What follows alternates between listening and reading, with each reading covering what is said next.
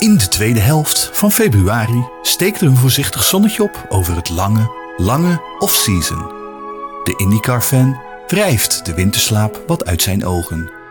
In de verte gloort het licht van St. Petersburg, Florida. We zien in gedachten de palmen al wuiven en beelden ons hun hoe het geruis van het water in de Tampa Bay overstemd wordt door het gebrul van motoren. Met minder dan 100 dagen te gaan tot de Indy 500 tikt de klok langzaam af tot aan het nieuwe seizoen. De podcastmaker zoekt zijn microfoon, pakt zijn notities en schraapt zijn keel. En hij start een jingle. Hoi, dit is Rinus 4K en leuk dat je luistert naar Green Green Green.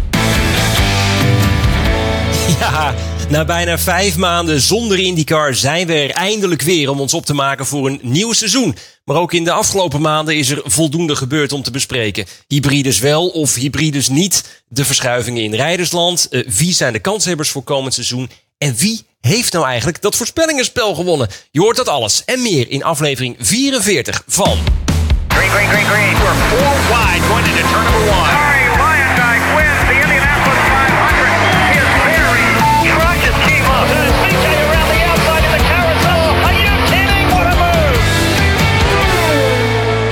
Dit is Green Green Green, de podcast. Met Jeroen Demmendaal, Henri Faun en René Hoogterp. Eindelijk, eindelijk zijn we er weer met de grootste, leukste, beste en vooral ook uh, enige echte IndyCar podcast van Nederland. Mijn naam is René Hoogterp en ik mag jullie ook dit jaar weer meenemen langs alle hoogte- en dieptepunten in de Amerikaanse open wielracerij. Er is de afgelopen winter weer van alles gebeurd waar we jullie helemaal over gaan bijpraten. En ook in ons vijfde seizoen doe ik dat gelukkig niet alleen, want over van alles gebeurd gesproken. Virtueel rechts van mij zit IndyCar-kenner en vooral kerstvers vader, Henri Faun. Henri, gefeliciteerd. Hoe zijn de nachten eigenlijk? Dankjewel. Uh, nou ja, laat ik het zo zeggen. Ik ben alvast aan het oefenen voor de late races in uh, Iowa en Gateway later dit seizoen. Nee, nee, geintje eigenlijk. Ik mag helemaal niet klagen. ze is nu drie maanden en ze slaapt gewoon al door. Bijna alle nachten. Ja, en verder, het is gewoon geweldig. het is natuurlijk het mooiste kleine meisje van de wereld. En alle clichés blijken waar te zijn. Heel goed. Zowel die hele mooie clichés als ook uh, die andere clichés. Mooi om te horen, man. En uh, virtueel links van mij, autosportschrijver Jeroen Demmendaal. Jeroen, uh, in Zweden zijn de dagen nog korter en de nachten nog langer. hoe ben jij je winter eigenlijk doorgekomen? ja, eigenlijk zoals altijd. Hè? Heel veel oude races kijken. Um, en deze winter specifiek is dat ook heel belangrijk in de context van de research voor mijn tweede boek, waar ik inmiddels mee begonnen ben. Kijk, kijk. maar meer details daarover, die volgen later Kijk, interessant. Mooi man. Er kwamen terecht wat vragen van luisteraars waar onze eigen seizoenreview van 2023 nou gebleven was. Uh, vergaten we op de rode knop te drukken of was er wat anders aan de hand? Nou, dat dus sowieso. We hebben hem simpelweg niet op kunnen nemen. Maar goed, daarom dan nu wel eventjes uh, het woord aan onze quizmaster en notaris in 1, Harry. Uh, we gaan namelijk eventjes terug naar het voorspellingenspel. Van vorig jaar. Dus wat viel jou nou op? En belangrijker, uh, net zoals de voorgaande keren, hoe belachelijk hebben wij het gedaan? Hoe waardeloos waren wij eigenlijk? Nou, je weet wat ze zeggen. Meedoen is belangrijker dan je ontzettend moeten schamen, omdat je ondanks je podcast helemaal niks van weet. um, nee, ik heb uh, uiteindelijk alle, alle uitslagen op een rijtje gezet. En ik dacht, nou, laat ik even wat. we gaan niet helemaal doornemen, want dat is veel te veel. Uh, maar even een paar uh, hoogte- en, en, dieptepunten. Misschien de belangrijkste voorspellingen. Uh, kampioenschap. Polo werd kampioen. En dat zagen wij als kenners natuurlijk helemaal niet aankomen. Um, Jeroen, jij had net zoals de meeste deelnemers ingezet op Newgarden. René, jij had al je fiches op Kirkwood gezet. Oh ja. Je zou het eigenlijk andersom verwachten. Kyle Kirkwood. En ik zelf was voor Scotty Max, Scotty McLaughlin gegaan. Nou, die werd het allemaal niet. Dat het Palo zou worden, dat wisten maar drie luisteraars van het hele spel. Kevin de Boer, Jeroen van Sloten en Koen Koolstra. En die Koen Koolstra, die wist ook zomaar te voorspellen dat Newgarden de Indy 500 zou winnen. Ja, dus nou, als je nog tips voor het casino nodig hebt, Koen is your man, denk ik.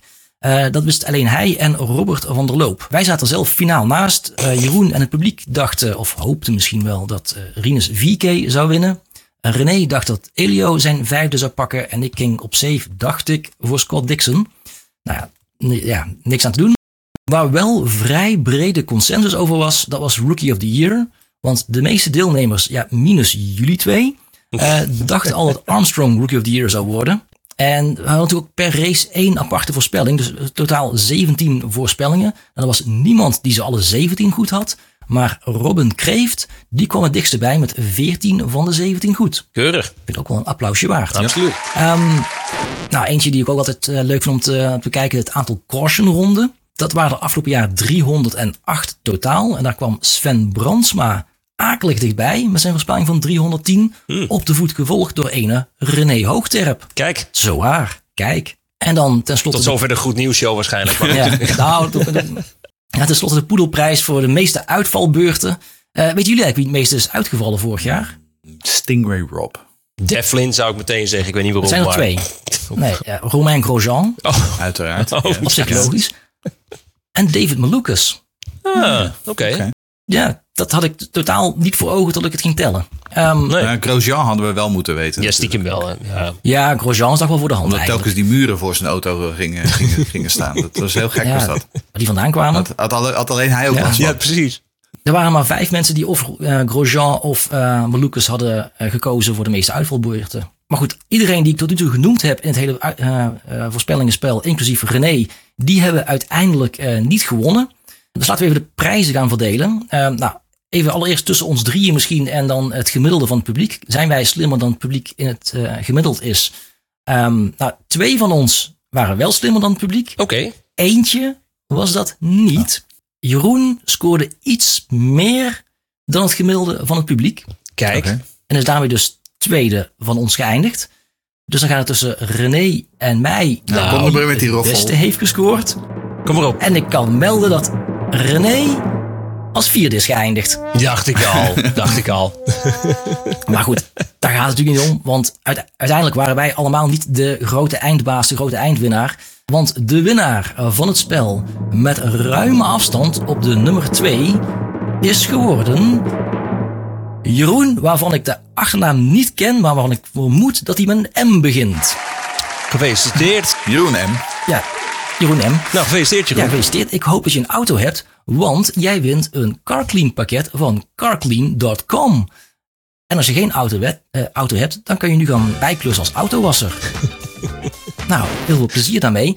Ik zal eh, later deze week een hele goede poging wagen om alle uitslagen te posten via onze socials verspreiden. En dan kunnen we misschien ook een, eh, een nieuw spelletje opstarten. Onofficiële start van het IndyCar seizoen is het misschien wel. Hè? De 24 uur van Daytona. Eind januari werd de 62e editie verreden. En eh Henri, ook voor ons de start van het nieuwe autosportseizoen. Fijn om toch eventjes dat hectische thuisfront te verlaten. Stiekem. Ik, ik denk dat ze zowel bij jou als bij mij thuis niet heel blij met ons waren met eh, twee stints van vier uur op, eh, op zaterdag en zondag. Nee, niet Eh, totaal acht uur achter de, mic- de micro. Maar het was wel even fijn om eh, even, even het stoffen vanaf te kloppen, even de roester vanaf te schrobben en eh, even actief weer te zijn met, eh, met autosport en met eh, pitstops die ongeveer even lang duren als een uh, luier verschonen. Oh, dan doe je dat al vrij rap dan. Of juist niet. Nou ja, bij IMSA doen ze het zo rap volgens mij. Maar dat zijn die, hij bedoelt die pits op zijn Dale Coin Racing. Ja, ja, ja. Waarbij dan dat ene wiel eraf loopt. Dus zo kunnen we heel veel parallellen kunnen we bedenken met poepluiers. Maar Ja, nee, dat eh, splash and dash. Ja. Goed, wat het voor onze IndyCar-liefhebbers natuurlijk interessant maakte... was het feit dat niet minder dan 16 IndyCar-coureurs een opwachting maakten. En na 24 uur racen was er zelfs ook IndyCar-succes. Want Joseph Newgarden die mocht plaatsnemen in de GTP Porsche... ingeschreven door Roger Penske... en won uiteindelijk de wedstrijd samen met Felipe Nasser... Dane Cameron en Matt Campbell... Um, en dat is de eerste winst voor Roger Penske in 54 jaar tijd voor de Daytona 24 uur. Hij noemde het zelfs een van de grootste overwinningen van het team. Dat betekende dus veel voor Roger Penske zelf. Um, maar er was ook IndyCar succes in de LMP2-klasse met de kerstverse teamgenoot van Rinus 4K, de Deen Christian Rasmussen. Daar gaan we natuurlijk zo dadelijk even eventjes, over hebben. Hij zegevierde dus in die LMP2-klasse samen met Dwight Merriman, Ryan Dial en Connor Zilish. En daarnaast was er ook nog ander Indy succes. Want Indy Dontje die won in de GTD-klasse en dus ook Nederlands succes.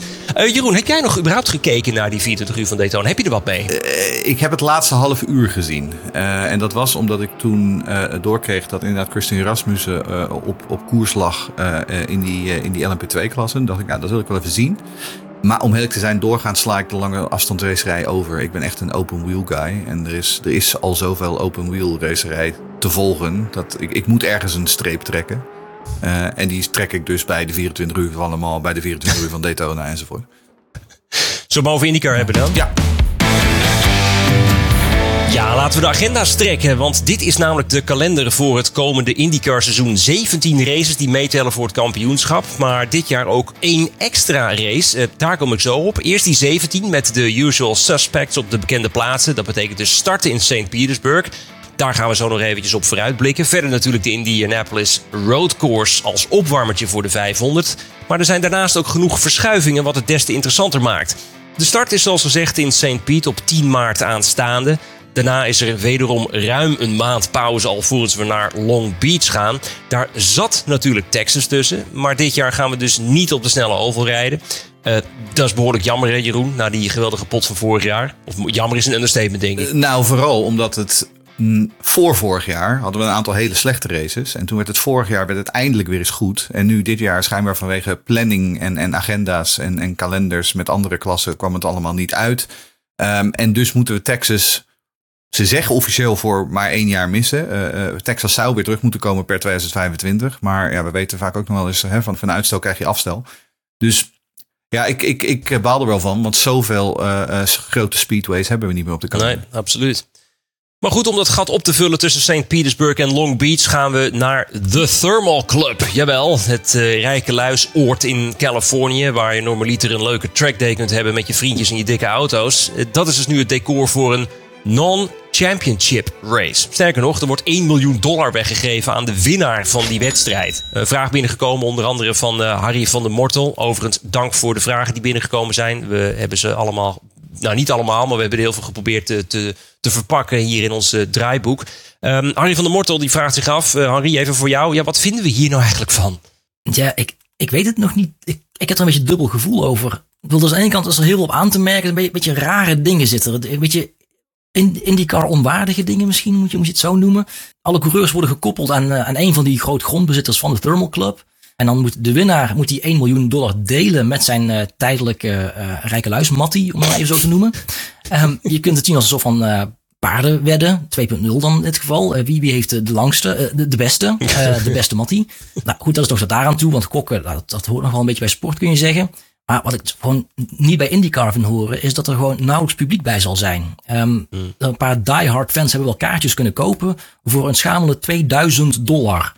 En normaal gesproken is IndyCar juist open voor fans, voor iedereen toegankelijk. Voor een paar tientjes uh, loop je de paddock binnen en, en kun je handtekening van iedereen krijgen. En dit past gewoon niet bij IndyCar. Aan de andere kant, en je noemt het al, het grote gat wat er anders zou zitten tussen St. Pete en uh, Long Beach, dat wordt nu een beetje opgevuld. Dus nou, daar ben ik niet blij dat er iets is. En ja, als je dan toch alles overboord gaat gooien met een non-championship race, dan kun je het ook maar beter goed doen en ook een heel ander concept introduceren. En dat is wat ze ook gaan doen. Ze gaan twee soort van heat races rijden, of kwalificatieraces met de helft van het veld.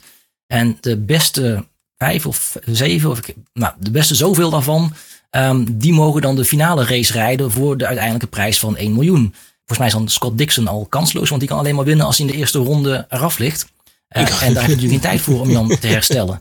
Dus ik ben heel benieuwd wat dat gaat zijn. Het, ja, ja, wat, het, wat het vooral heel gek is, is dat wat dit is, is zo'n typische all-star race. Die ze in Amerika natuurlijk al heel vaak hebben gehad. Maar het punt is met een all-star race, is dat je die vaak aan het einde van het seizoen hebt. En nu heb je die dus na één wedstrijd. Uh, ik wil wel de eind jaren 80, uh, begin jaren 90 had je de Marlboro Challenge. Waar dan de beste tien coureurs van uh, dat seizoen, wat net geweest was, die gingen dan ook nog in een extra race strijden om een extra geldprijs. Arie Luijendijk heeft er ook een aantal keer aan meegedaan. nooit heel succesvol daarin overigens, maar hij deed er wel aan mee, want hij zat daar bij dat groepje. Maar dat was dus aan het einde van het seizoen. En nu krijg je zo'n speciale non-championship all-star race om 1 miljoen dollar aan het begin van het seizoen. Dus die, ik vind de timing gewoon ontzettend raar. Ja, we zijn ook, het zijn ook allemaal all-stars uh, in de IndyCar. Ja, ja, ja, iedereen is een winnaar. Maar er gaat er maar eentje met 1 miljoen weg. En dan, en dan maar de, helft, helft of zoiets. Ja. Nou, heel vaag verhaal. Het is in ieder geval een groot theater. Long Beach hebben we dan op 21 april. Direct gevolgd door Barber Motorsports Park op 28 april. Uh, de maand mei, zoals gezegd, weer met de Indianapolis Road Course op zaterdag 11 mei. En de 108ste editie van de Indy 500 die vindt dan plaats op 26 mei. Dus die moeten we even uh, rood omcirkelen.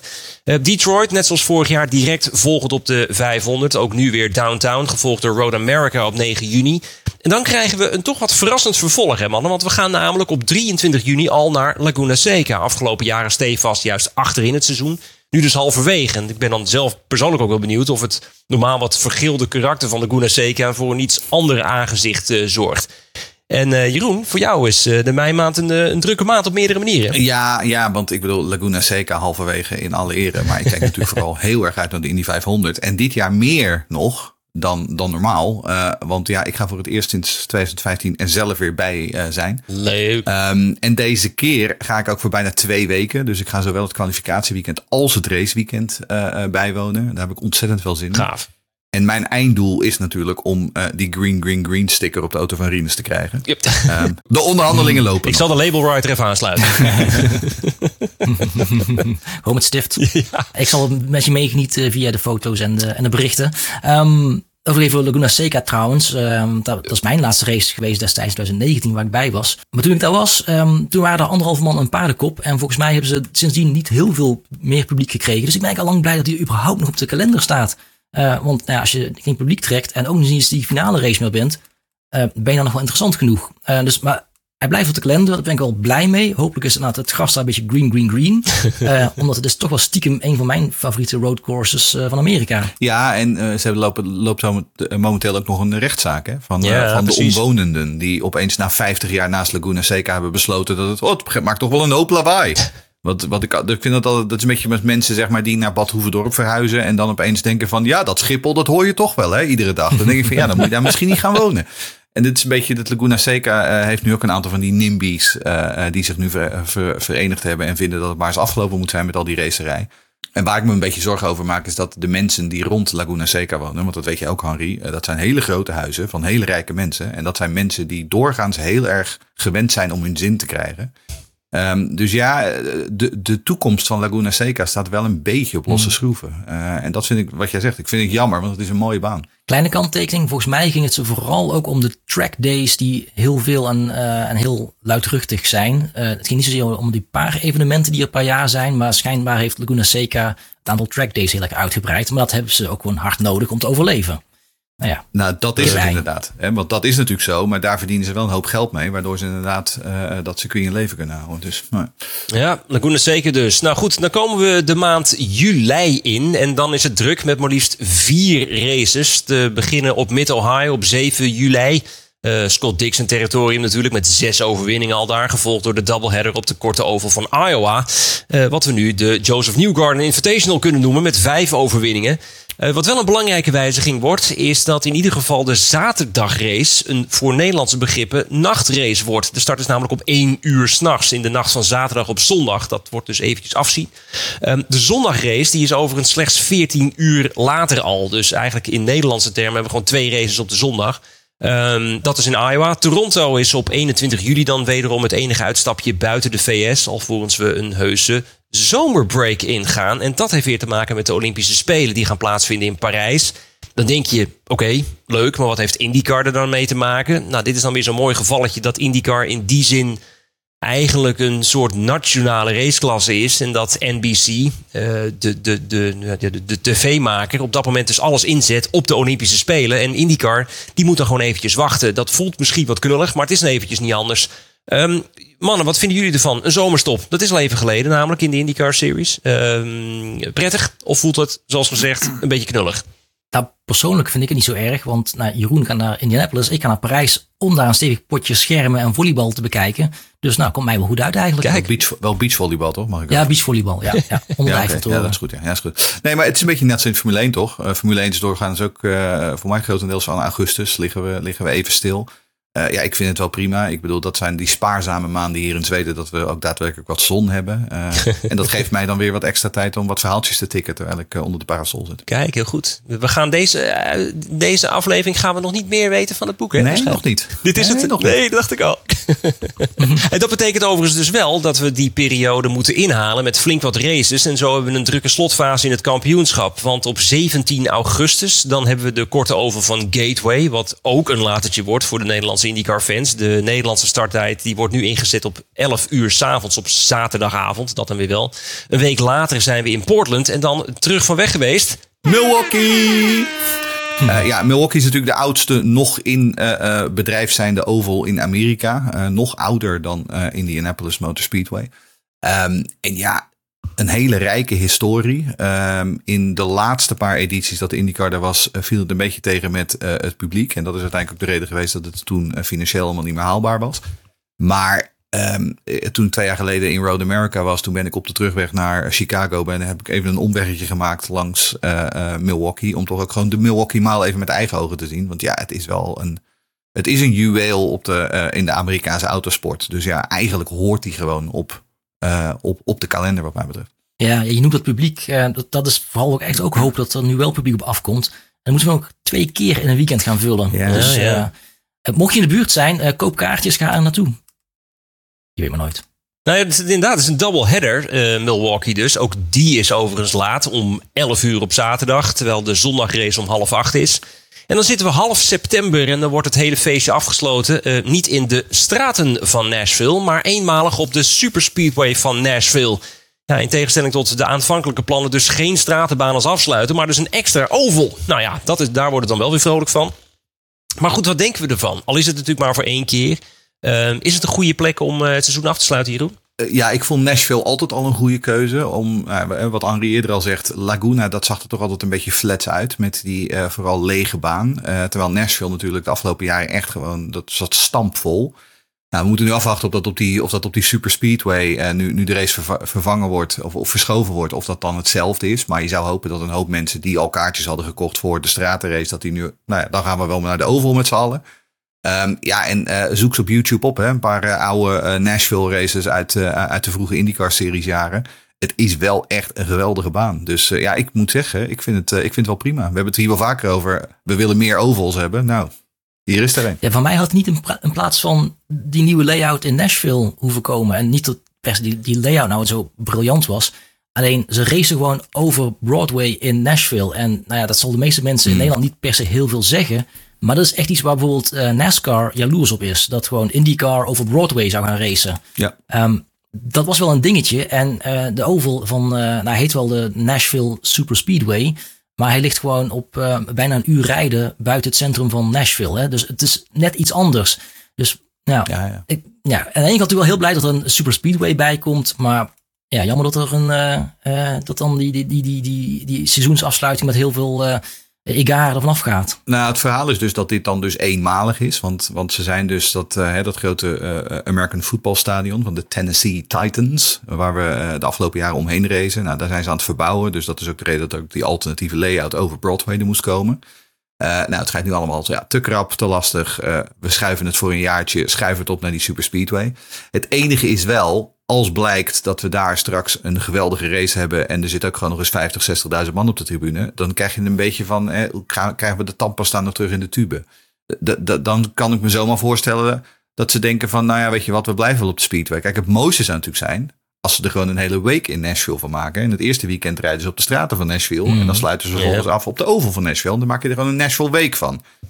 Ik weet niet of dat haalbaar is. Ehm, maar goed, hoe dan ook, eh, eh, per saldo een extra oval. Eh, wat ook betekent trouwens, hè, de laatste acht races van de kalender zijn zes oval races.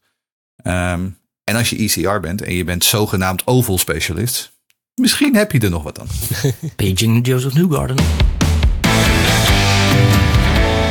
Het was rumoerig in de winterstop en niet altijd met het even positieve nieuws. De PR-machine van de IndyCar Series moest even eh, overuren draaien om het een en ander recht te breien. Eh, vanuit jouw professie, misschien Jeroen, interessant om naar te kijken. Maar eigenlijk was het, het was niet zo best. En dan hebben we het vooral over de hybride krachtbronnen. Hè? Ja, ehm, laten, we, dus- laten we eerlijk zijn. Het is natuurlijk gewoon een bende. Ehm, kijk, ik zal IndyCar altijd verdedigen. Ook tegen eh, de grootste eh zurpieten. Maar eh, ja, de organisatie maakt hier een hele, hele slechte beurt. Ehm, kijk, als we een beetje teruggaan in de geschiedenis. We hadden in 2023 al hybrides moeten hebben. In combinatie met die nieuwe 2,2 liter motor.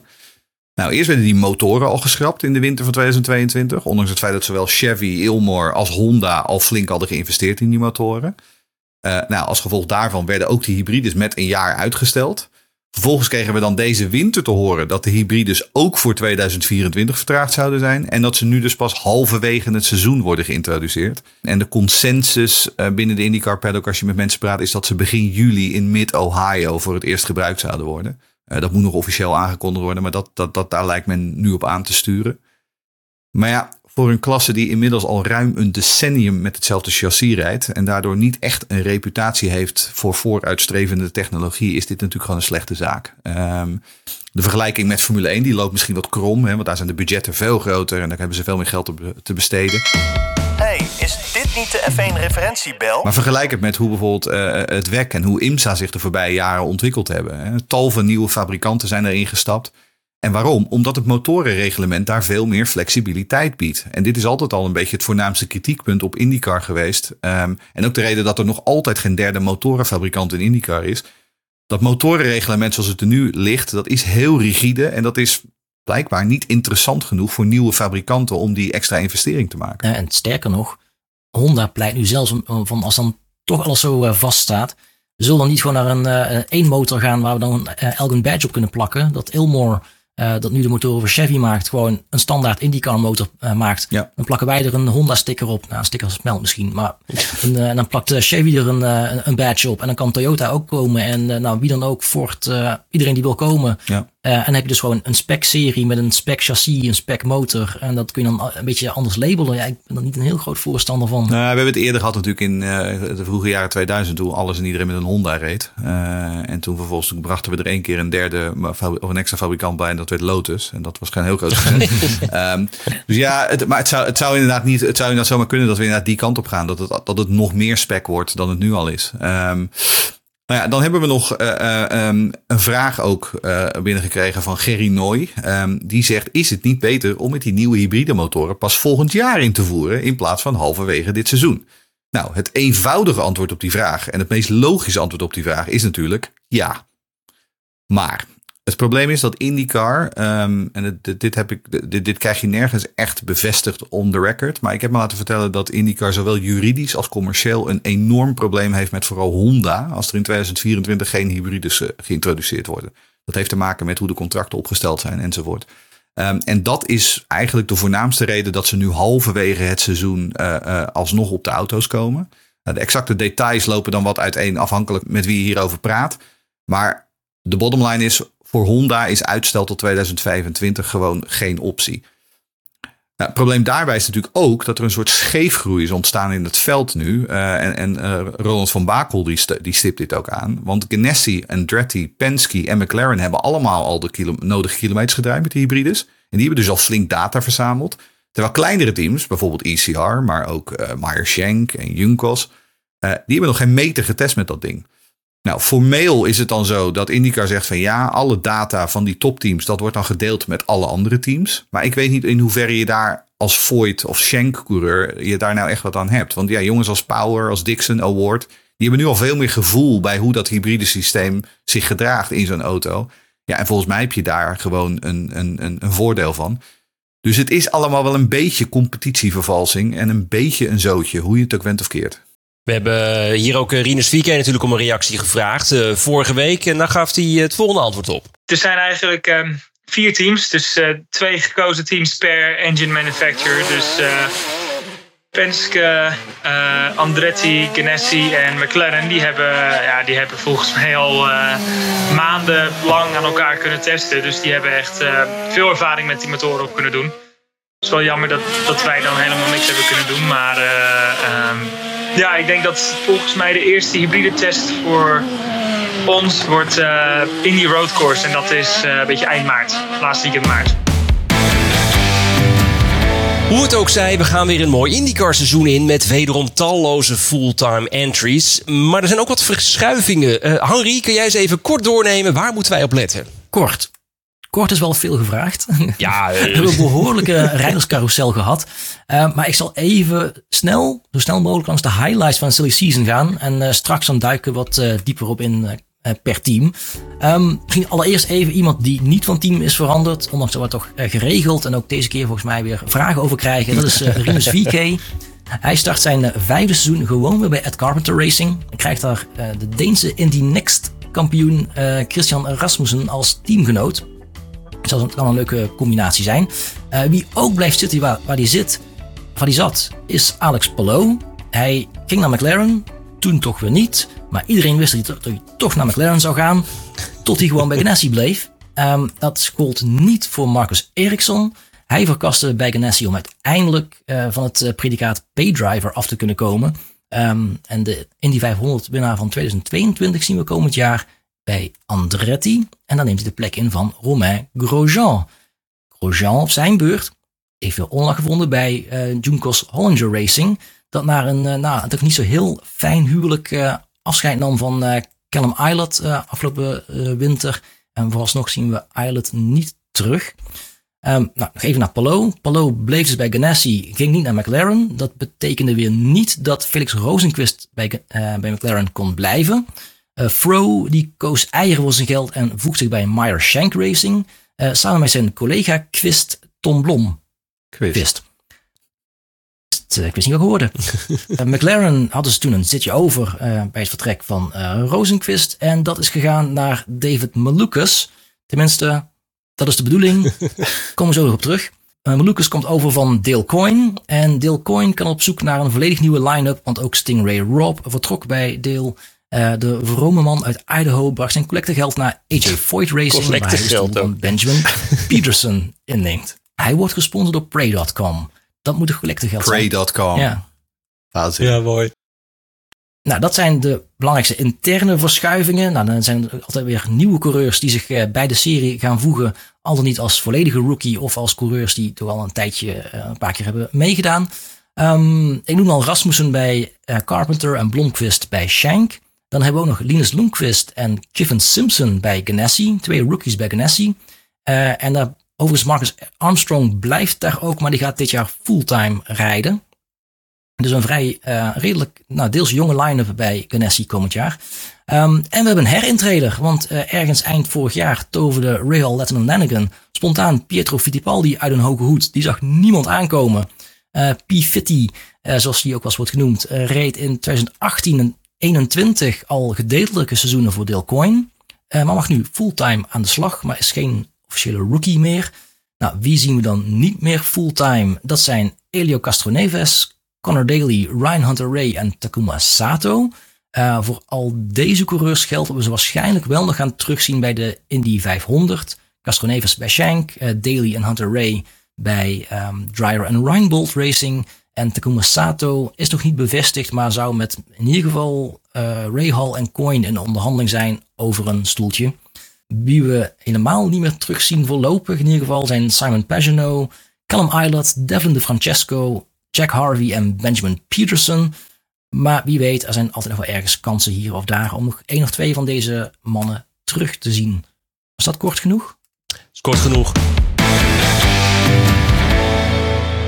We hebben voor 2024 weer een geweldige lijst aan fulltime entries. Maar die 27 als Deelcoin eventjes netjes over de brug komt. Met de, de, nodige verschuivingen die we zojuist al hoorden van Henri. Maar laten we dan nu dan het complete veld doornemen. Uh, Remco Hadders had namelijk een vraag. Uh, wat zijn volgens jullie buiten het kampioenschap de storylines om dit jaar te volgen? Nou ja, er zijn er genoeg. Dus Remco, schrijf even mee. Jeroen, kunnen we bij jou beginnen. En beginnen met de regerend kampioen, namelijk het team van Ganassi. Ja, Chip Ganassi Racing. En de hamvraag richting 2024 is Ganassi sterker of zwakker geworden? Um, want enerzijds hebben ze meer auto's dan vorig jaar, maar ze hebben ook meer jonkies. En um, zoals Henri net al zei, daar zitten zelfs twee rookies bij. En dat is niet echt des Ganassi's, hè? Uh, rookies aanstellen. Um, maar laten we, laten we daar beginnen. Uh, Linus Lundqvist, daar heb ik heel hoge verwachtingen van. Dat, weet, dat zal inmiddels uh, voor de luisteraar duidelijk zijn. Uh, ik denk echt dat hij dit jaar een paar, een paar echte uitschieters gaat hebben. Hij is natuurlijk ook vergeleken met de andere jonkies al, wat, al relatief ervaren. Hij is al wat ouder. liet zich vorig jaar bij Schenk een aantal keer uitstekend zien. Um, ja, en sowieso natuurlijk. Hè, vorig jaar was hij als, als regerend Indy Next kampioen. Liep hij met zijn, met zijn hoed in de hand van... Is er iemand die mij alsjeblieft een stoeltje aan wil bieden? En nu heeft hij een multi-year deal bij Chip Ganassi Racing. Dat is natuurlijk gewoon het feel-good story van, uh, van het offseason. Um, nou, dan hebben we Armstrong. Heeft een, redelijk rookie jaar gehad vorig jaar. Maar eigenlijk zonder echte uitschieters. En ook zonder ovals. Dus ja, wat hij nu moet doen is, hij moet stappen gaan maken. En hij moet bewijzen dat hij bij Ganassi hoort. Want uh, uh, als je Ganassi-rijder wil zijn, dat ligt de standaard iets hoger dan wanneer je als rookie binnenwandelt bij pakweg Coin of Junkos. Um, een podium finish, denk ik, is, is wel het minimale wat er uh, dit jaar in ieder, in ieder geval een keer in moet zitten. En ja, en dan hebben we Kevin Simpson. En ik ga daar heel eerlijk over zijn. Die heeft in feite gewoon nog niks in een Ganassi te zoeken. Uh, sterker nog, je kunt je afvragen of die al wel in een IndyCar thuis hoort. Hebben het vorig jaar reed hij zijn rookie seizoen in de Indy Next. Toen werd hij tiende algemeen. En deze auto bestaat eigenlijk ook alleen omdat papa Simpson heel veel geld heeft. En omdat papa Simpson heeft besloten dat uh, zo'n lief Kiffin dit jaar al moest promoveren. Um, hij is over één ronde is hij soms heel snel. Hij reed een aantal pole positions in die next vorig jaar. Maar zijn racecraft is wel nog heel matig hoor. Dus ik moet het nog maar zien met Kiffin. Dat, het zou zomaar kunnen dat we een nieuwe Devlin Di Francesco in het veld hebben. Nou ja, maar die drie rookies die moeten dus het vak gaan leren van de relatieve veteranen. Uh, nou ja, Scott Dixon, en daar is alles al over gezegd, is de beste leermeester die je kunt wensen. Alex Pelot, vorig jaar natuurlijk een uitzonderlijk sterk jaar. Ze werden vorig jaar eerste en tweede in dat kampioenschap. Samen acht zegens.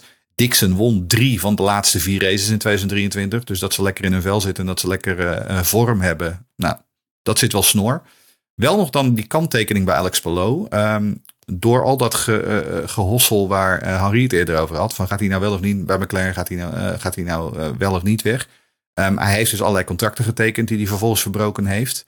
McLaren heeft hem nu voor het gerecht gesleept. Um, en hij zit echt in een redelijk diep juridisch moeras tegenover McLaren. Die zaak is voorlopig nog niet voorbij. Ze proberen hem uit te kleden voor alles wat hij heeft. Ik kan me voorstellen dat dat toch uiteindelijk wel een beetje gaat knagen. En dat dat misschien wel een beetje een afleiding is. Dus dat wordt nog wel de vraag bij, bij Palo. Kan die, kan die zich voldoende van afsluiten van wat er buiten de baan gebeurt om op de baan te leveren? Ja, als je dan kijkt naar die line-up. Ik denk dat we misschien weer zo'n soort van A- en B-team gaan krijgen. Zoals we destijds een paar jaar geleden ook hadden. Toen daar nog Chilton en Kimball uh, reden. En dan zal denk ik vooral aan Lundqvist uh, de, de taak zijn om te bewijzen dat hij bij het A-team uh, zich mag, mag voegen. Want ja. eerlijk gezegd, nou, Simpson had je al gezegd, daar hoeven we niet veel van te verwachten. En Armstrong, ik vond eigenlijk gewoon, nou, misschien scorebordjournalistiek, maar ik vond een beetje een matig uh, rookie seizoen hebben. Als je ziet dat vrijwel alle rookies uh, die Rookie of the Year werden afgelopen jaren allemaal minimaal een podium haalden. Uh, Rinus deed dat bijvoorbeeld. Uh, nou ja, Hertha bijvoorbeeld, die won een paar races in zijn rookie season. Dat is wel heel uitzonderlijk. Maar zelfs Palo bijvoorbeeld, die pakte ook met een coin um, gewoon een podium in zijn debuutseizoen. Uh, is hetzelfde. En Armstrong kon dat voor, niet voor elkaar krijgen met een Ganassi. En hij reed zelfs geen enkele keer in de top 5. Dat vind ik toch best mager eigenlijk. Dus ik vrees een beetje dat je echt zo'n tweedeling krijgt. En dan vraag ik me af of Dixon bijvoorbeeld, die is wel een, een ultieme leermeester. Maar gaat hij echt veel moeite steken in twee van die achterblijvers? of gaat hij zich vooral uh, richten op, uh, nou sowieso, een titel winnen?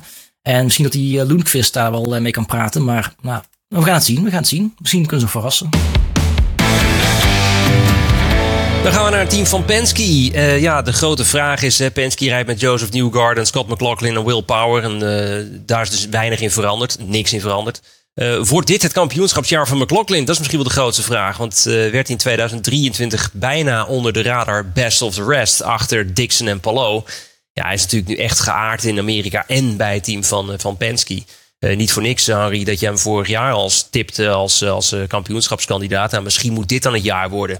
Uh, Newgarden, ja, wanneer gaat het weer zijn jaar worden? Natuurlijk, vorig jaar won hij de, de, de Indy 500. Maar inmiddels zijn we alweer vijf jaar zonder een titel. En dat gaat op den duur toch wel vervelen. Werd eerst drie keer op, op rij tweede. voordat hij afgelopen jaar slechts als vijfde algemeen eindigde. Ja, en dan Will Power. Een herboren Will Power. Of is hij op weg naar de uitgang? 2023 was rommelig, terwijl hij in 2022 gewoon eigenlijk heel, heel degelijk beter dan ooit misschien wel uh, kampioen werd. En vorig jaar, uh, zoals gezegd, rommelig. Veel gedoe in de privésfeer met de gezondheidssituatie van zijn vrouw. Volgens de Tamtam -tam, heeft hij na dit seizoen nog een doorlopend contract. Maar de vraag is, is dat nog steeds achter het stuur? Will heeft gewoon een goed seizoen nodig. Uh, wat denken jullie mannen? Uh, wordt dit het laatste jaar van Will Power? Het zou mij niet verbazen. Um, ik denk dat ze bij Penske inmiddels ook al gewoon een beetje aan het kijken zijn van waar, hè, wat is het leven naar, uh, na Will Power. Um, nou, ja, er komen natuurlijk, er zijn, er zijn zat jonge honden in het veld die daar een kandidaat voor zouden kunnen zijn. Dus ik denk wel degelijk dat, dat uh, Will uh, moet laten zien dat hij nog steeds met de beste mee kan. Zoals bijvoorbeeld een Scott Dixon dat nog steeds jaar in jaar uit wel laat zien. Kijk, het zou heel goed kunnen dat afgelopen jaar gewoon te veel een afleiding was. Dat hij gewoon te veel naast de baan had. En dat hij daardoor gewoon uh, niet lekker in zijn vel zat. En dat hij dit jaar opeens weer als een barnstormer rond de baan gaat. En gewoon weer de sterren van de hemel rijdt. Hij is natuurlijk nog steeds de onbetwiste pole position koning van, van de IndyCar. Ehm, en op zijn beste dag is Will Power in feite gewoon onverslaanbaar. Maar ik denk wel dat hij, hij moet wel aan de captain laten zien van ik, ik kan nog steeds leveren voor jou. Ja, Will Power is op zijn beste dag een van de beste coureurs. En op zijn slechtste dag is hij een van de beste interviewkandidaten. Dus we kunnen hem gewoon niet missen. Die, die man die moet een contract voor het leven krijgen. Want hij is een van de meest kleurrijke figuren in de IndyCar. Um, maar inderdaad, eh, hij zal moeten laten zien dat hij het nog steeds kan. Um, ik, ik hoop het voor hem. Het zou ook zomaar kunnen, speculerend. Um, ze hebben natuurlijk uh, in de Indy Next uh, rijdt... oh, Jeroen, help me even. zijn protégé. Miles Rowe. Miles Rowe, precies. Die rijdt Indy Next. Hmm. Als die nou gewoon kan doorstoten volgend jaar nog een jaar bij, um, uh, bij AJ Foyt. En misschien kan hij dan Will Power gaan opvolgen in uh, 2026. Ja, dan kijk je naar 26, 27. Ja, wat, wat Penske, ik had het net over Ganassi, die eigenlijk niet zo vaak rookies inhuren. Maar Penske doet dat echt niet. Hè? Nee. Um, er is no way dat Penske voor, of Rowe in een auto gaat zetten als, als rookie. Daar geloof ik helemaal niks van. Maar inderdaad, op de lange termijn denk ik zeker dat hij op de, op de nominatie staat. Ja, hij zal vast op de shortlist. En over shortlist gesproken, um, want bij Andretti, Andretti Global moeten we tegenwoordig zeggen, uh, zijn ze teruggegaan van uh, vier, en in het verleden zelfs van vijf van zes auto's, maar zijn teruggegaan naar drie coureurs. Colton Hurta, Kyle Kirkwood zijn gebleven en Marcus Ericsson, ik zei net al, is overgekomen van Chip Ganassi Racing. Dus nog maar drie coureurs, Devlin Francesco en zijn Paydrive, die nou, zien we misschien nog wel ergens terug, maar in ieder geval niet bij Andretti. Drie coureurs in plaats van vier. Bij Penske zweren ze erbij en zeggen ze dat ze sinds ze terug zijn gegaan van 4 naar 3, uh, dat het voor hun veel beter werkt. Nou, misschien ook wel voor Andretti, want die kunnen ook wel weer een boost gebruiken. Volgens mij hebben ze vorig jaar toch geregeld, ondanks dat ze twee keer hebben gewonnen met uh, Kirkwood. Toch een beetje teleurstellend genoemd. Volgens mij eindigde uh, Hurta nog als beste vorig jaar als tiende, geloof ik, negende of tiende. Nou ja, ja, dat is natuurlijk een beetje nou, zowel Hurta als Andretti onwaardig. En nou, het was al het tweede mager seizoen voor Hurta op rij. Uh, hij won niet um, en hij krijgt naar verluid uh, het, het, het, hoogste salaris uh, van het hele veld. Nou, dat mag hij ook wel weer eens een keer gaan waarmaken. En dan kan zich toch echt niet nog een slecht seizoen veroorloven. Kirkwood had nou, misschien nog een iets grilliger jaar, want hij won wel twee keer, maar finishte desondanks achter Hurta in het kampioenschap. Maar hij is wel de grote reizende ster en uh, kan ook rekenen op een, uh, een fanclub uh, dependance ergens in Zweden binnen deze pod podcast geloof ik. Kyle Kirkwood. Precies. Hij is echt een reizende ster en kan Hurta ook dit jaar echt definitief van zijn voetstuk gaan, gaan stoten of rijden. En dan Marcus Ericsson. Ja, eigenlijk weet je maar nooit. Hij deed altijd redelijk mee met, bij Ganassi, maar had, je had ook nooit het gevoel dat hij nou echt er zou staan aan het einde van het seizoen, dat hij nou echt een titelkandidaat zou zijn. Um, maar hij is wel gewoon een heel degelijke coureur. Um, en eentje waar je denk ik wel weet je, wat je aan hem hebt. Uh, in tegenstelling tot bijvoorbeeld een Romain Grosjean die uh, ook af en toe wel pieken kon hebben, maar vooral heel veel dalen had. Als je kijkt naar de Indy 500, die heeft Ericsson toch wel redelijk onder de knie de afgelopen twee jaar. Dus als Honda ook zijn zaakjes wat beter voor elkaar heeft op de Speedway, dan zou die zomaar voor de winst kunnen meedoen. In ieder geval geen zwakke broeders meer bij Andretti en gewoon een hele degelijke line-up. We gaan kijken wat ze gaan maken. Nou ja, een voordeel van Ericsson ten opzichte van Grosjean is dat, hij, uh, is dat Ericsson vrijwel nooit zijn engineers helemaal stijf scheldt als het een keertje tegen zit. dus ik, hij, is, hij is iets gebalanceerder als persoonlijkheid, denk ik. Ja, en dan gaan we naar het volgende team en dat wordt Arrow McLaren. Um, Pato Award en Alexander Rossi keren dus terug. En zoals Henry eerder zei, David Malukas die komt daarbij als nieuwe aanwinst de onderliggende uh, uh, kwestie bij McLaren is: het moet gewoon beter in 2024. Dit is financieel gezien waarschijnlijk het meest vermogende team in de paddock. En toch wonnen ze in 2023 geen enkele race. Wat voor een team van de statuur van McLaren eigenlijk onacceptabel is. De vraag natuurlijk met Pato is: gaat hij dit jaar, hè, als, als toch eigenlijk gewoon de kopman van het team, gaat hij eindelijk die belofte inlossen? Want we vergeten nog wel eens, hij is nog steeds maar 24. 2021 verloor de, de, de titel op de laatste dag in Long Beach. En sindsdien is het toch eigenlijk wel wat grillig geweest. Uh, 2023 was een onrustig jaar. Hij had heel veel contractgedoe aan het begin van het jaar. Vervolgens had hij een paar hele nou, gewoon domme aanrijdingen. Uh, Long Beach, uh, Indy met Marcus Ericsson. Detroit, waar hij hem op gewoon uit het niets in, in de muur parkeerde. En dus weer geen enkele zegen. Nou, er is nu in ieder geval contractueel en ook misschien mentaal gezien wat meer rust in de tent. En dus is de vraag, krijgen we nu dan eigenlijk die oude Pato weer te zien, die dus in 2021 nog om de titel vocht. Ook iemand die een, een, een echt een goed jaar nodig heeft, dat is toch wel Alexander Rossi. Dat wordt echt wel gewoon een beetje een make of break. hij heeft een aflopend contract. En, en laten we heel eerlijk zijn, er zijn genoeg kapers op de kust voor die stoel als 2024 weer een teleurstelling is. Op papier klopt alles aan de combi McLaren-Rossi. Maar in de praktijk was 2023, het eerste jaar samen, gewoon heel erg mager. En Rossi als geheel is eigenlijk al een paar jaar heel erg mager. Hij wordt, ieder jaar wordt hij weer genoemd bij het rijtje van favorieten. Maar hij is al vier jaar op rij niet bij de beste acht in het kampioenschap gefinished. En dat is eigenlijk voor iemand als Rossi, is dat gewoon niet goed genoeg. Nou, dan hebben we de nieuwe aanwinst. Dat is David Malukas. Uh, die deed eerder deze maand een rinesje. Uh, en die raakte betrokken bij een fietsongeluk. Nou, dat leverde hem natuurlijk een handblessure op. Uh, jullie hebben het ongetwijfeld allemaal gevolgd in het nieuws. Hele slechte timing. Moest onder het mes voor een operatie. Inmiddels weten we dat hij vanaf 22 februari, als de, als de hechtingen eruit gaan, dan moet hij zes weken herstellen.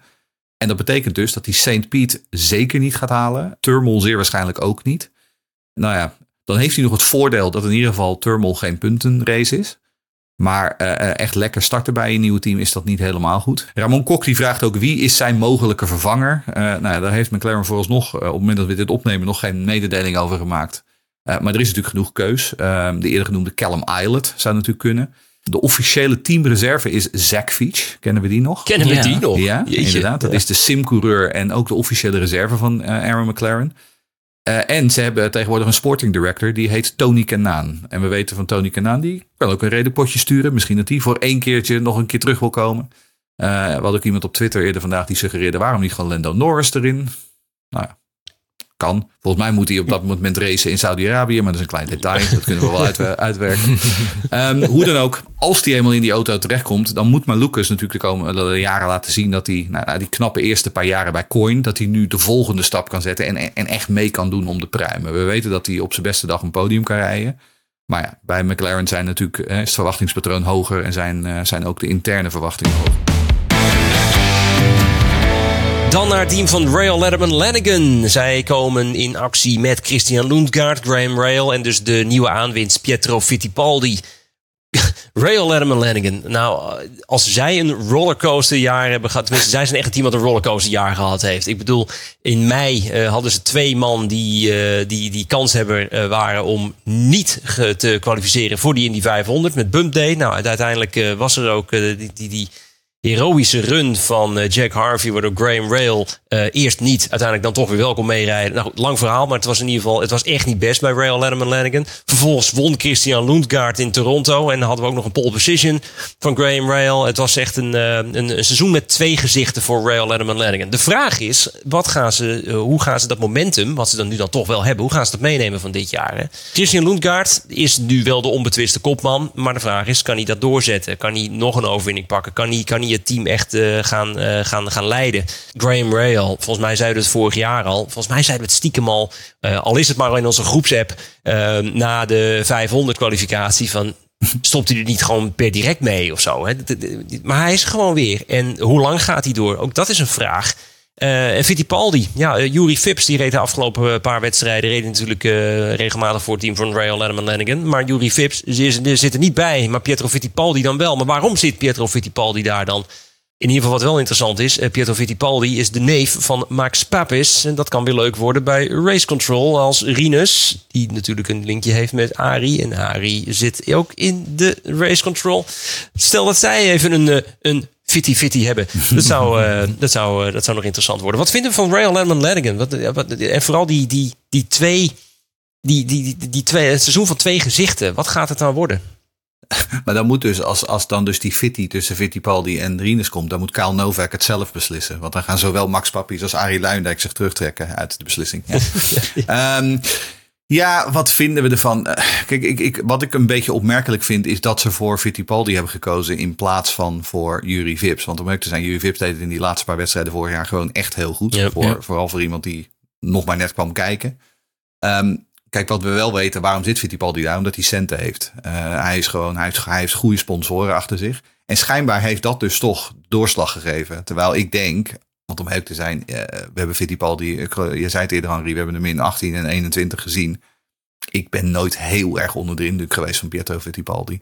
Ik weet niet of, of, of, of daar nou echt heel veel beter van gaat worden. Sterker nog, ik, ik geloof eerlijk gezegd meer in iemand als Jury Vips. Ik denk dat daar meer potentie in zit. Maar ze hebben dus gekozen voor de financiële kanten. Nou, dat, dat zegt mij dat ze of ze hebben nog steeds die centen nodig, of ze zijn van plan om nog meer te investeren. Want wat natuurlijk vorig jaar gebeurd is na die Indy 500, is dat ze die hele organisatie ondersteboven gekeerd hebben. Er zijn een hele batterij mensen uitgegooid uit dat team. Ze hebben een heel aantal nieuwe mensen aangesteld.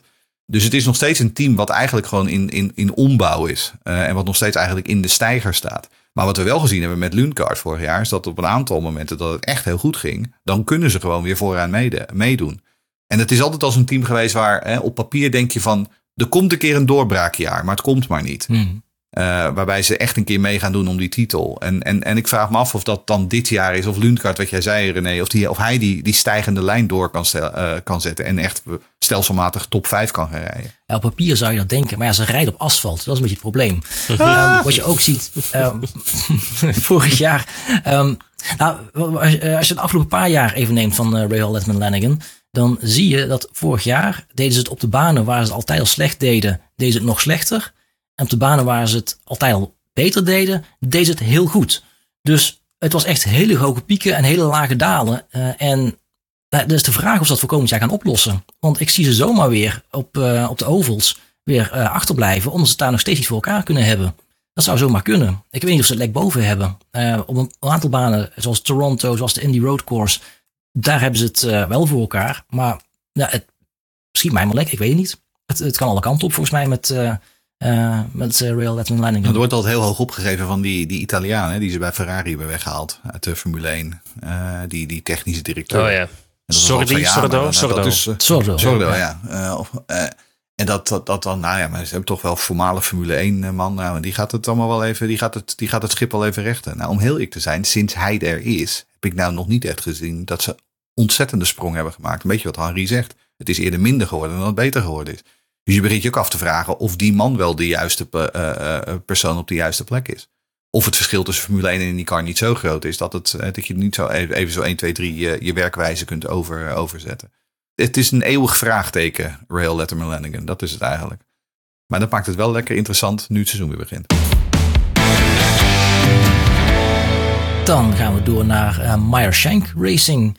Uh, zoals ik al zei, met de, uh, de line-up Felix Rosenquist en Tom Blomqvist. Schenk wil niet nog een jaar verkwisten zoals afgelopen jaar en gooit het roer helemaal om met een volledig nieuwe line-up. Um, de twee Quists moeten het gaan doen. Ja, en de vraag is, gaat dat helpen? Ze hadden in de test in Homestead, die uh, afgelopen februari, eind januari, begin februari uh, plaatsvond. Ja. Januari alweer, zo, gaat snel. Um, hadden ze een redelijk tempo. Um, zat er goed bij. Maar goed, ik weet niet of die test nou alles zei, want daarin eindigde volgens mij Joseph Newgarden als voorlaatste. En dat ging dan ook wel niet heel representatief. Ik een test is een test. Dat is het ook. Um, dus nog steeds vraagtekens. Die vraagtekens heb ik eigenlijk nog steeds bij Felix Rosenquist. Want um, nou, ik vind zijn IndyCar carrière tot nu toe nog steeds niet heel denderend. Hij werd, voordat hij naar Ganassi ging, um, dat was het 2019 zong zijn naam al jaren rond. En ja, Rosenquist gaat komen en die gaat de nieuwe, nou, dat was de opvolger destijds van Franchitti eigenlijk een beetje zijn bij Ganassi, wat uiteindelijk Palo is geworden. Nou, bij Ganassi ja, is hij wel Rookie of the Year geworden, maar kon hij ook niet heel veel potten breken. Heeft één keer gewonnen toen. Vervolgens ging hij naar McLaren. En daar ook, nou, ik vind hem een beetje mager. Uh, wel een kwalificatie vaak goed, maar zakt dan elk, elke race uh, weer terug. En nou, dat is een beetje zoals een hele IndyCar carrière dus is. Um, hopelijk kan hij dan een kickstart gaan geven bij uh, Meyer Shank Racing. Maar of, of hij nou echt de teamleader gaat zijn, wat je wel van hem zou mogen hopen uh, met zijn ervaring inmiddels. Nou we gaan het zien. Blomqvist vind ik wel een hele interessante optie. En die vind ik heel interessant in de, in de gaten te houden, want hij is echt wel een van de beste coureurs in IMSA. Dat zag je ook wel afgelopen Daytona. Nou, zoals we ook uh, al een keer vertelden, een paar maanden geleden. Hij versloeg een Max Verstappen in Formule 3. Goed, dat was zijn tweede of derde seizoen in de Formule 3. Maar goed, hij kan best een potje rijden dat liet nog niet helemaal zien in die paar races die hij vorig jaar uh, reed als invaller voor uh, Simon Pagenaud. Maar hij heeft echt wel talent. En hij heeft ook drie nationaliteiten. Dus dan, dan moet je voor drie goed kunnen rijden. Want hij is een, een Zweeds-Britse Nieuw-Zeeuw. Nieuw-Zeeuw? Ja, als je in Zeeland komt ben je een Zeeuw. Dus als je in Nieuw-Zeeland komt ben je een Nieuw-Zeeuw. een Nieuw-Zeeuw. Ik vind het mooi. En dan uh, gaan we maar door naar uh, het mooiste team van allemaal. In ieder geval voor ons Nederlanders. Toch? Ja. Heus wel. Ed Carpenter Racing. Dit jaar dus met uh, gewoon weer Rinus VK en Ed Carpenter. Maar ook met Christian Rasmussen. Wat mij betreft heeft ICR de beste rijders line-up in jaren. met, met die twee toch wel jonge honden. het grappige is dat Rinus VK de kopman is en, en inmiddels zijn vijfde jaar ingaat. Maar hij is jonger dan Christian Rasmussen. Nou, Rinus VK die had natuurlijk de voorbije jaren eigenlijk gewoon geen kind aan Connor Daly en Ryan Hunter Ray. Um, maar uh, ja, kerstvers in die next kampioen Christian Rasmussen. Uh, ik denk dat die Rinus wel scherp gaat houden. I think the the work really starts now. Um, obviously we've we've been in the sim a lot where where he's been helpful, but it's it's really in uh, when we get into the car, which we haven't had a lot of time yet. Um, so yeah, I'm looking forward to to work with him more. Um, up until now it's just been kind of getting to know each other and, and we seem to to get along very well um, so i'm sure it'll be a fun season i'm excited to to learn what i can from him and uh, and see where that takes us En dan is er ook een nieuwe uh, Chief Performance Engineer overgekomen van Ganassi, uh, Eric Cowdin. Nou, ik heb me laten vertellen dat hij zeker niet de beste van Ganassi is, maar ook een hele redelijke Ganassi engineer is voor een team als ECR natuurlijk gewoon pure winst. Uh, en ik heb me ook laten vertellen dat Chip Ganassi absoluut niet happy was met het feit dat Cowden vertrekt. Um, dus hè, ze moeten hem toch op, op, op, een bepaald niveau wel degelijk waarderen. Hij heeft ook heel lang, uh, heel lang gezeten. Wat betekent dat voor ECR? Vers bloed, verse inzichten. Iemand die heel veel ervaring heeft met het werken bij een topteam. Nou, hij mag per 1 maart mag hij officieel aan de slag. En hij gaat dus ja, weet je, de, de, de hele performance uh, afdeling van ECR gaat hij overzien. Ja, daar zou nog best wel wat voordelen uit, uit, kunnen, uit kunnen komen. De enige domper, ja, dat is voor mij toch echt gewoon Ed Carpenter zelf. Want die blijft maar vasthouden aan het racen op de ovals. Um, ik, ik blijf het wonderlijk vinden dat Ed Carpenter heel graag claimt dat hij jong talent wil klaarstomen voor een carrière in de IndyCars. Uh, maar hij ontneemt Christian Rasmussen nu aan de broodnodige ovalervaring door hem alleen de Indy 500 uh, te laten rijden. Dus uh, als je luistert Ed, stop er nou gewoon mee. Hou er gewoon mee op. Het is klaar. Het is over. En dan tot slot, uh, Henri uh, meldde het eerder al, uh, de eer aan Guido Piquet om de meest voorkomende vraag met grote afstand in onze podcast te stellen. Um, hij vraagt hoe lang nog voordat Rinus weggaat bij ECR wegens tegenvallende prestaties van de auto en het team. Elk jaar is hij de man die mooie dingen doet, maar hij gaat, dan gaat het seizoen als een nachtkaars uit. Um, nou ja, deze vraag inderdaad, die krijgen we ongeveer iedere show. Um, en en het, is, het is heel interessant om in, op tien verschillende manieren hetzelfde, hetzelfde ding te zeggen. um, Wat je, nu, wat je in ieder geval dit seizoen vooral in je achterhoofd moet houden, is uh, dat dit het laatste jaar is van Rinus' huidige contract met ECR. Dus we hebben geen gedoe zoals afgelopen zomer, toen uh, er volop interesse was in Rinus, maar ja, zijn handen contractueel gebonden waren, waren er clausules enzovoort. Um, als ECR dit seizoen niet levert, dan heeft hij deze zomer de handen vrij om, om zich heen te gaan kijken en of ergens anders het gras misschien wat groener is. Kortom, dit zou een hele boeiende transferzomer kunnen worden. Dat gaan we natuurlijk in de gaten houden. Maar we hebben natuurlijk, uh, het is wel interessant, we zeggen het nu in een bijzin, maar Christian Rasmussen die rijdt dus alleen maar de Indy 500. Als oval, sorry. Klopt, ja. Het is niet een fulltimer. Nee, hij, hij het is dus een beetje wat ECR een paar jaar geleden deed. Dat, Precies, dat, is het niet dus een stap niet... terug? Dat wil ik eigenlijk... Ja, maar... Nou ja, dat is het, dat is het absoluut. Um, en, en waarom ze dat doen, dat weet ik niet. Kijk, wat, wat wel zo is, is dat natuurlijk Ed vorig jaar reed hij uh, in die derde auto alle ovals. Ja, precies. Dus ze hadden Rinus en Connor in, in, in de 20 en de 21 en dan in die 33 reed Ed alle ovals. Betekent ook dat je een extra crew nodig had voor die 33. Nou, dat was natuurlijk toch een beetje dan de reservecrew, zeg maar. Uh, of een beetje uh, huurlingen die ze er voor, voor, voor, voor een weekendje erbij gehuurd hadden. En om eerlijk te zijn, Ed reed geen deuk in een pakje boter. Het zou natuurlijk best kunnen dat hij, uh, nu die weer terug is naar de 20 en dus weer met hem met een van de twee primary crews aan het werk gaat, dat er weer meer schot in de zaak zit. Maar nogmaals, ik denk dat het voor de ontwikkeling van iemand als Rasmussen veel beter is als hij gewoon kan racen op Iowa, als hij gewoon kan racen op Milwaukee. Ja. Want, we hadden het er net al over, de laatste acht races van het seizoen, zes daarvan zijn oval races. Dat is ook nog een vraag trouwens. Ik heb hem een appje gestuurd, hij heeft alleen nog niet geantwoord. Maar nu Nashville geen straatcircuit is, maar een oval, betekent dat dat Christian Rasmussen een race kwijtraakt. Ja. Ja. Dat weet ik dus niet. Uh, en, en dat vraag ik me dus ook af. Want dan, uh, dan wordt hij ook nog eens extra bestolen door deze, door deze wissel. Dus ja, ik, het is, het is een, het, een, ik, ik vind inderdaad dat ze een stap achteruit zetten. Uh, het zal ongetwijfeld met financiën te maken hebben. Um, en met wat er mogelijk is binnen het team. Maar um, Ja, voor Rasmus is het, uh, is het, uh, is het een domper, denk ik. Hmm, ja, blijkbaar heeft uh, Ed toch meneer Bitnile kunnen overtuigen dat, dat hij in een van die auto's moet blijven zitten. geen idee. Je noemde overigens um, Kouden, die overkant van Ganassi, dat Ganassi er niet blij mee was. Betekent dat ook dat we dan Kouden moeten waarschuwen om zijn hond binnen te houden? Oh. too soon, too soon. Dit is wel heel erg op het randje. Ik, ik, ik geef deze vraag door aan de dochter van Chip Ganassi. als je, nu, als je nu als luisteraar nog kan volgen, dan ben je echt IndyCar. Dan ben je, ben je echt een IndyCar nerd. Heerlijk. Nou ervan.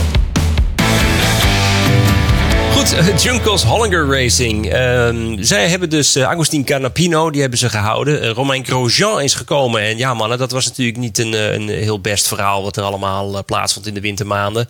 Uh, Callum Islet, uh, samen met uh, Ricardo Groenkos al stoeiend over de grond bewijzen van over het een en ander roemloos buiten de deur gewerkt. Daar vinden we wel wat van, denk ik. Daarover zo dadelijk meer. Romain Grosjean en ook Junkos, dat wordt natuurlijk wel smullen. Hoe lang gaat het goed tussen die twee? We weten dat Grosjean niet altijd nou, evenveel vrienden maakt. Uh, en Canapino. Ja, Canapino, eigenlijk de grootste verrassing. Uh, daar zijn we het toch wel unaniem over eens. De grootste verrassing van het afgelopen jaar.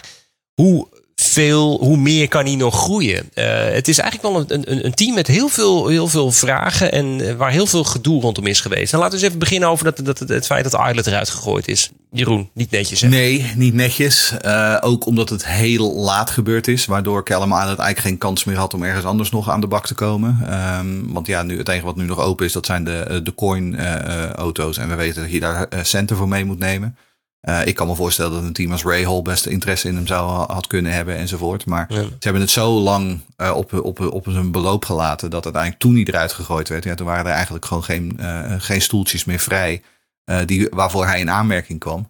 Ja, en het tekent een beetje Ricardo Junkos. Want ik ken geen enkele teambaas in IndyCar die zo'n slechte staat van dienst heeft als het gaat om omgaan met zijn rijders. Ik weet vooral dat in, in die Next is die met, zijn de meerdere rijders zijn daar echt met slaande deuren vertrokken. Uh, en daarom moet ik zeggen, ja, Ricky Junkos en Romain Grosjean in één team, dat wordt wel smullen. Daar ga ik wel de popcorn bij voorbij pakken. Want kijk, weet je, laten we wel wezen, Romain Grosjean, die gaat nu van Andretti naar Junkos Hollinger. Um, nou, dat, die, die honeymoon die gaat drie races duren. Dan gaat waarschijnlijk een beetje de teleurstelling en, en de desillusie inzetten. En dan ben ik heel benieuwd hoe Romain Grosjean en uh, Ricardo Junkers uh, zich tot elkaar gaan verhouden. Um, dus ja, dit, daar is wel echt een mogelijkheid voor heel veel vuurwerk. Uh, in lijn met wat Henry eerder zei over willpower als interview subject. ja. hou, hou die twee echt in de gaten. Ja, of het gaat juist gewoon helemaal goed, omdat ze allebei temperamentvolle types zijn. En dat dan misschien juist meer van elkaar kunnen hebben. Als je één persoon hebt die dat niet dat is, kan ook nog. dan werkt dat misschien wel niet. En nu uh, is dat gewoon vuurwerk. En dan een dag erna was het gewoon weer een, uh, een croissant en, uh, en, en, en een biefstuk samen of zo.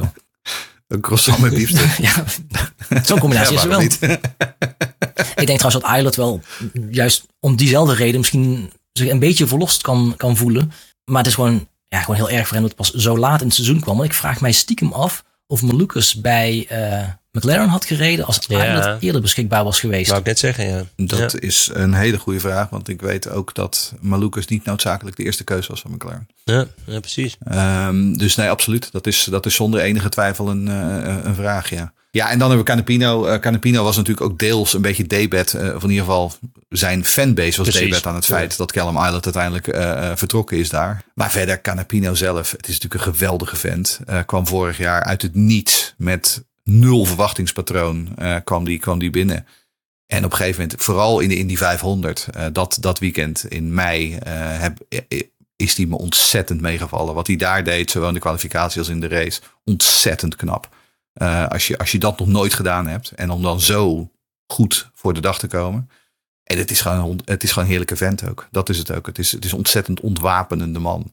Dus ja, dat is ook absoluut een aanwinst voor, voor, voor het IndyCar, voor het IndyCar-veld. Maar we zijn het er ook over eens dat Callum Island, dat die dus niet meer op het IndyCar-veld, dat, dat dat weer een groot verlies is natuurlijk. Absoluut. Ja, zeker. Dan gaan we denk ik door naar Voigt. Ook een beetje een, een, een lelijk eentje de afgelopen jaren, maar kunnen wel echt een stap vooruit gaan maken. Ik noemde al Stingray Rob uh, is uh, gekomen uh, en die voegt zich bij Santino Ferrucci. Benjamin Peterson is daar dus gaan wieberen. Eh, was hij zelf niet, geloof ik, mee, niet helemaal mee eens. Hij begreep het zelf niet, geloof ik. Maar ehm, ja, waarom kunnen zij nou een stap vooruit gaan maken? Zij hebben een technische samenwerking met Penske. Eh, en dat is natuurlijk wel, nou, als je met een team een technische samenwerking wil, dan wil je het wel met Penske, denk ik, eh, hebben. Nou, misschien dat ze Penske ook heel goed kunnen helpen om hun weer in de Indy 500 in de Fast 9 of Fast 12 te kunnen krijgen. Want daar was Voigt met twee auto's afgelopen jaar. Wat natuurlijk op zich al een verrassing op zich was. Hoewel Ferrucci, en dan noem al was een van de coureurs, daarvan zijn we het echt wel uh, gewend inmiddels dat hij op de, bij de Indy 500 goed presteert. Uh, hij is ook wel wat ietsjes gekalmeerd. In ieder geval bij Vlagen is hij wat kalmer, zullen we maar zeggen. De meningen over hem blijven natuurlijk verdeeld. Hij is echt een, een divisive person en dat vind ik eigenlijk ook wel lekker. Die mensen heb je nodig. Hij heeft dan niet het talent van Paul Tracy, maar wel in ieder geval een soort van reputatie van, van schouderduwen geven. En mensen die hem niet altijd heel aardig vinden. En dat geeft wat, wat, wat jeu aan het uh, anders wat uh, gezapige, corporate, uh, correcte setje. Ik ben ook heel benieuwd hoe dat samen met Penske gaat trouwens. Hoewel hij bijna een keer een invalrace had gereden voor, gereden voor Newgarden natuurlijk. Dus nou, ja. wie weet, misschien werkt het nog wel. En even als teamgenoot Stingray Rob. Die heeft zowel in talent als in zijn collectebakje iets meer te bieden dan Peterson, denk ik. Um, zijn eerste jaar, toegegeven, was een beetje zo-zo niet heel bijzonder. Uh, maar dat zag je eigenlijk ook al in die opstapklassen. In uh, de, de, de Indy Pro 2000, Indy Next of Indy Lights, uh, wat, wat het toen nog was. Dat is ook een beetje een diesel. Het eerste jaar nou, deed hij het redelijk, maar niks bijzonders. En meestal het tweede jaar, dan zet hij een stap. Nou ja, de vraag zal zijn, kan hij bij Voigt ook zo'n stap zetten? En dan denk ik dat Voigt gewoon per saldo een stuk beter af kan zijn dan vorig jaar. Met twee betere coureurs, of in ieder geval een betere line-up. Um, en die hulp van Penske. Nou, wie weet, uh, zien we toch wel vaker ergens in de middenmoot of in de hoge middenmoot uh, rijden in plaats van achteraan. Ik zie wel, uh, het is een andere line-up, maar het is ook vooral een, een line-up wat eigenlijk niet verder van elkaar af kan staan. Ik zie het zo voor me dat Larry Voigt daar staat en dan staat hij voor een dilemma en dan kijkt hij over zijn linkerschouder en is het poef. Ja. Wat zegt Stingray Rob? En dan poef, wat zegt Peruzzi ervan? Ja, maar tegelijkertijd, ik heb wel een ontzettend zwak voor Stingray. Uh, sowieso, het is natuurlijk gewoon, als je hem hoort en als je hem ziet, het is een beetje een oddball. Het is een beetje een rare, een vreemde vrucht. Dat kan ook haast niet anders als je in, in die super religieuze uh, kringen in Idaho opgroeit. Maar het is, hij is zo blij dat hij er is. Hij, uh, wat, dat was eerder dit jaar, toen hadden we natuurlijk weer die IndyCar Media Days. Nou, dan kun je op de Zoom kun je met die jongens praten. En het is inderdaad wat, wat Henry zegt, het grossen allemaal van die, nou, toch wel een beetje corporate setje en gegeven gewoon de standaard PR antwoorden. Maar als je, als je Stingray Rob een vraag stelt, dan komt er een spraakwaterval uit en, en, een, en een stream of consciousness. En hij praat en enthousiasme en hij heeft zoveel te vertellen. En op een gegeven moment vroeg ik hem ook, ik zeg nou vertel eens. Ik zeg vertel eens over je nieuwe sponsors. Ja, nou Pray.com. Nou, en dan ging het helemaal los. En, uh, en ik, ik, ik heb gewoon een zwak voor die jongen. En, en, en, wat, wat nog, en inderdaad, vorig jaar bij Coin ging het heel, heel moeilijk. Maar uh, het jaar daarvoor bij Andretti uh, in Indy Next werd hij tweede algemeen achter Linus Lundqvist. Hè? Hij was beter dan iedereen behalve Linus Lundqvist. Nou ja, als, als je dan alleen Linus Lundqvist voor je moet dulden, dan heb je het best wel aardig gedaan. Dus ik, hij, hij heeft echt talent. Uh, um, en ik denk inderdaad dat hij bij een team als dit, zeker dankzij die Penske samenwerking, dat hij veel beter tot zijn recht gaat komen. Dus uh, ik denk dat Stingray best nog wel wat mensen kan, uh, kan verrassen dit jaar. En zo verschillend zijn ze er ook wel niet. Hè? Ik denk dat Ferrucci en, en Stingray Rob in november in Amerika hetzelfde gaan stemmen. ja, dat denk ik ook. Ja. dat denk ik ook. Laatste dan. Team TBA. Delcoin Racing. Want ja, Team TBA strikes again. Wie pakt fulltime stoel 26 en 27? Ervan uitgaande dat die er komen. Want ook dat weten we eigenlijk nog steeds niet op dit moment. Uh, Etienne Peters die vroeg ons al via uh, Twitter, uh, voormalig X. Um, gaat Delcoin misschien X. zelf weer plaats, plaatsnemen achter het stuur? Ja, dat is een grapje ook gesto gestolen heb uit de Hartgras podcast. Okay. Um, maar uh, Etienne die vroeg dus, gaat misschien Delcoin zelf weer plaatsnemen achter het stuur? Net als in de jaren tachtig, toen hij in dat onogelijke geel-oranje-bruine ding uh, achteraan het veld meetufte. Nou, dat zal wel meevallen. Ik denk ook dat inmiddels onze grote vriend Deel niet meer in de auto past. um, maar verder is het nog steeds gissen. Hè? We hebben de afgelopen maanden uh, meerdere namen die de revue zijn gepasseerd. Nou, Devlin de Francesco, die moest eruit bij Andretti. Die heeft centen. Toen dacht iedereen van, nou, die gaat natuurlijk naar Delcoin. Nou, ze hebben met elkaar gepraat. Maar inmiddels, uh, ik heb me laten vertellen dat die gesprekken toch echt wel gewoon doodgebloed zijn. Dat, gewoon, dat gaat gewoon niet gebeuren. Hm. Nou, toen hadden we vorig jaar, tijdens de offseason, toen heeft Daniel Frost, een Indy Next coureur uit Singapore, die had getest voor Coin, had een hele goede indruk achtergelaten. En iedereen dacht van, nou, die vullen we met potlood vast in voor 2024. En toen kreeg Daniel Frost opeens een brief op de mat. En toen zei uh, de overheid van Singapore, kun je even op de, komen draven voor twee jaar militaire dienst. Oftewel, Daniel Frost is de komende twee jaar uit beeld. Ja, dat, uh, dat bericht dat viel hem ook uh, koud op zijn dak. Uh, en Frost kan dus zijn IndyCar plannen in de ijskast zetten. dankjewel, dankjewel. Hoe dan ook, Daniel Frost wordt het dus ook niet. Nou, die hebben we dan gezien. Dat was vorige maand in Homestead. Toen dook daar opeens Jack Harvey op. En toen dacht iedereen van, hey, daar is Jack Harvey weer. Jack Harvey die natuurlijk toch wel een beetje roemloos de deur uitgestuurd is bij Rail Letterman Lenningham. Dat het daar gewoon niet meer ging. Maar wel ervaren kracht. Is dat dan iemand die bij Coin in kan stappen? Het zou kunnen, maar wat we ook weten van uh, Baker Jack is dat hij helemaal geen centen heeft om mee te brengen. In tegenstelling tot Devlin en, en, en meneer Frost. Oftewel, uh, wie gaat dat dan betalen, dat zitje? En toen kwam even later, uh, tijdens diezelfde Homestead-test, kwam Nolan Siegel. Die kwam ook opeens als een duveltje uit een doosje. Zijn allereerste IndyCar-test ooit. Was ook meteen sneller dan Jack Harvey. En toen dacht iedereen, nou, Nolan Siegel dan? Ja, maar Nolan Siegel die heeft al getekend om dit jaar in Indy Next te rijden. Als uh, zijn tweede jaar en is eigenlijk gewoon de torenhoog titelfavoriet daar. Dus die is eigenlijk ook niet beschikbaar. Kortom, wie komt er dan bij Coin terecht? Geen idee. Ik denk dat we het waarschijnlijk pas weten bij het vallen van de groene vlag in St. Piet. Um, onthoud wel, hè, dit is niet de eerste keer. Hè. Uh, in 2013 werd Anna Beatrice, die werd twee uur voor de start van de eerste vrije training aangekondigd bij Dale Racing. Dus ons deel uh, heeft, heeft, heeft, heeft al vaker geen haast. Hey, maar als je nu zit te luisteren en je denkt, ik heb een helm, ik heb een overall en ik heb een paar miljoen over. Stuur even een briefje naar Ome Deel. Misschien uh, rij jij straks wel in Florida. 10 maart gaat het IndyCar-veld dus weer van start in de straten van St. Petersburg. Sinds 2009 vrijwel onafgebroken de seizoensopener. Waar we vorig jaar Devin de Francesco door de lucht zagen vliegen. Carl Kirkwood even later. En waar we een mooie clash zagen tussen Romain Grosjean en Scott McLaughlin. Wat voor Grosjean uiteindelijk een voorbode werd van een rommelig seizoen. Je merkt er gebeurt eigenlijk altijd wel wat in St. Pete. En laten we open op uh, net zoveel spektakel. Uh, 100 rondes gaan er gereden worden. Strategisch eigenlijk de laatste jaren niet heel spannend. Het is vooral twee keer stoppen en dan, uh, ja, Harry, vooral uit de problemen blijven. Ja, vooral dat laatste dus. Um, wanneer was het? 2020, 2021? Toen zelfs de 20 was het, safety car, of de pace car zonder benzine kwam te staan. Omdat hij zoveel in actie moest komen.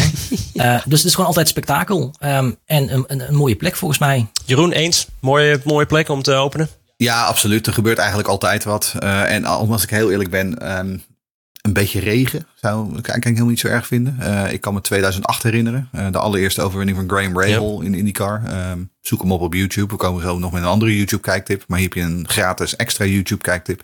St. Pete 2008. Mooie spektakelvolle race. Zullen we dan maar een, uh, zomaar meteen doorpakken dan? YouTube kijktip.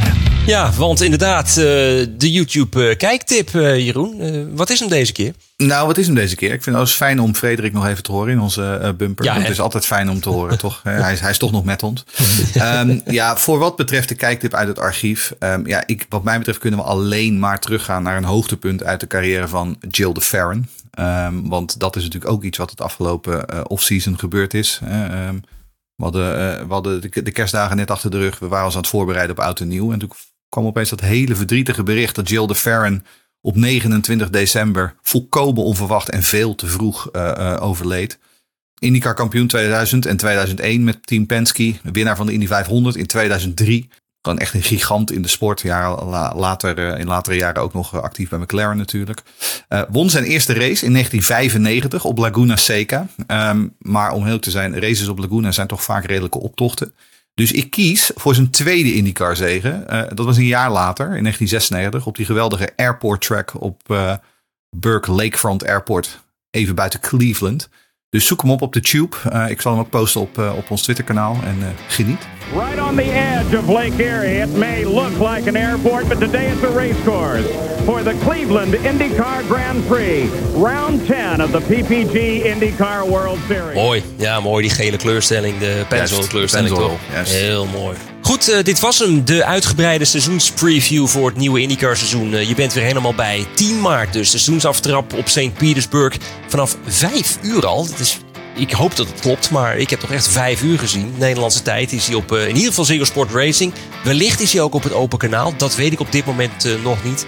Maar uh, het, is, het is geen latertje, Harry. Vijf uur dus al. Dus we moeten ergens tijdens de, tijdens de race eten of zo. Ik weet het niet. Bord op schoot. Bord op schoot, inderdaad. Mocht je in de tussentijd meer willen weten over IndyCar, volg ons dan op uh, X of Twitter via @indypodcast.nl. En mocht je nog niet geabonneerd zijn op de podcast, doe dat dan vooral. Dan ben je meteen op de hoogte als er een nieuwe aflevering is. En als je dan toch bezig bent, laat dan vooral ook even een 5 sterren review achter. Dank Jeroen. Dank Henri. Jij bedankt voor het luisteren. En tot de volgende. Yo.